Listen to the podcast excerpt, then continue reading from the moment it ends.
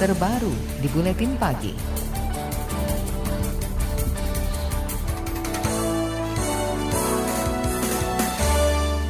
Aparat keamanan masih memburu satu terduga pelaku teror bom bunuh diri di Mapol Restabes Medan, Sumatera Utara.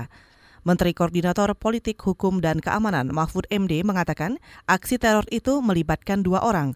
Satu orang terduga pelaku tewas di tempat setelah bom rakitan yang dipasang di badannya meledak. Satu terduga pelaku lain masih dalam pengejaran.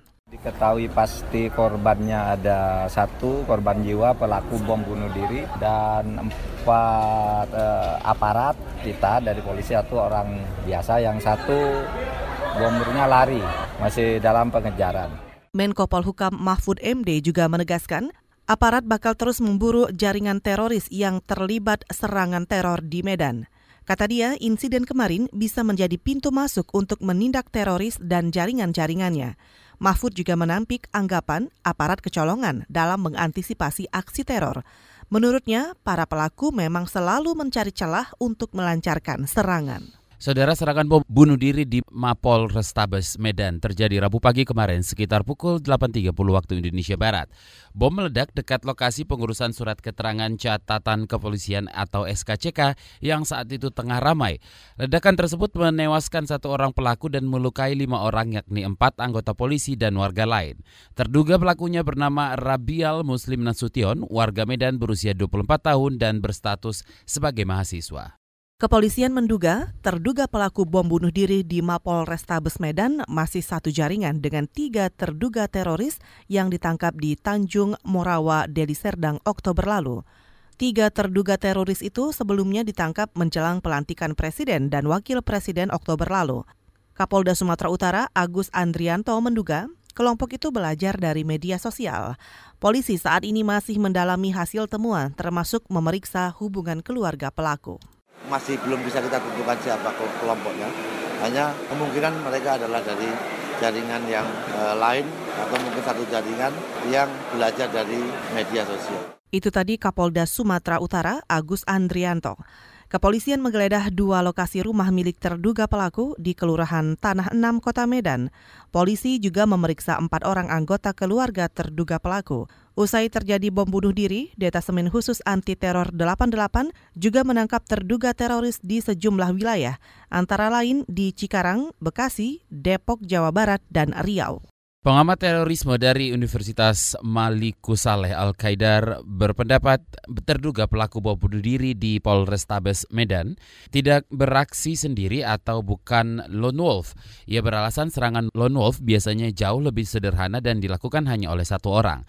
Jika dia mati dari pola serangannya, pelaku diduga merupakan anggota jaringan Jemaat Ansarut Daulah JAD Kota Medan.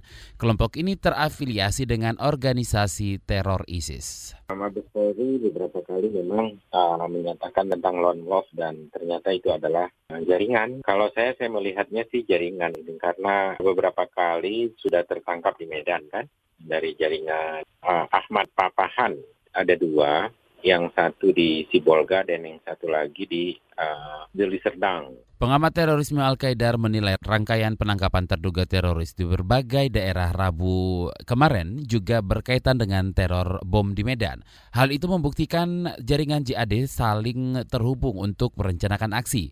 Menurutnya para anggota jaringan yang tersebar di banyak daerah merencanakan serangan teror untuk menunjukkan kelompok mereka masih kuat. Titik rawan teror JAD antara lain Sumatera Utara, Riau, Padang, Bekasi, Tangerang, dan Surabaya. Aparat keamanan diminta lebih jeli mengenali modus-modus penyamaran teroris.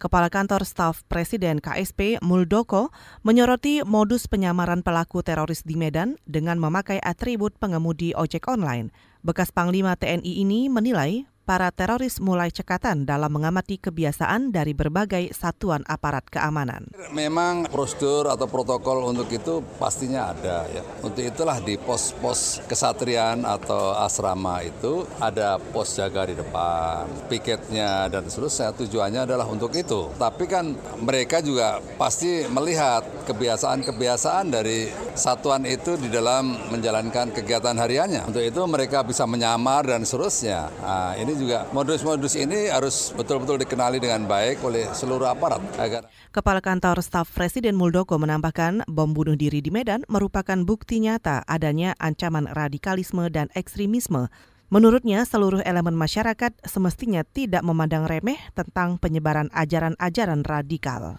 Saudara Menteri Perhubungan Budi Karya Sumadi berencana memanggil perusahaan aplikator ojek online Gojek dan Grab.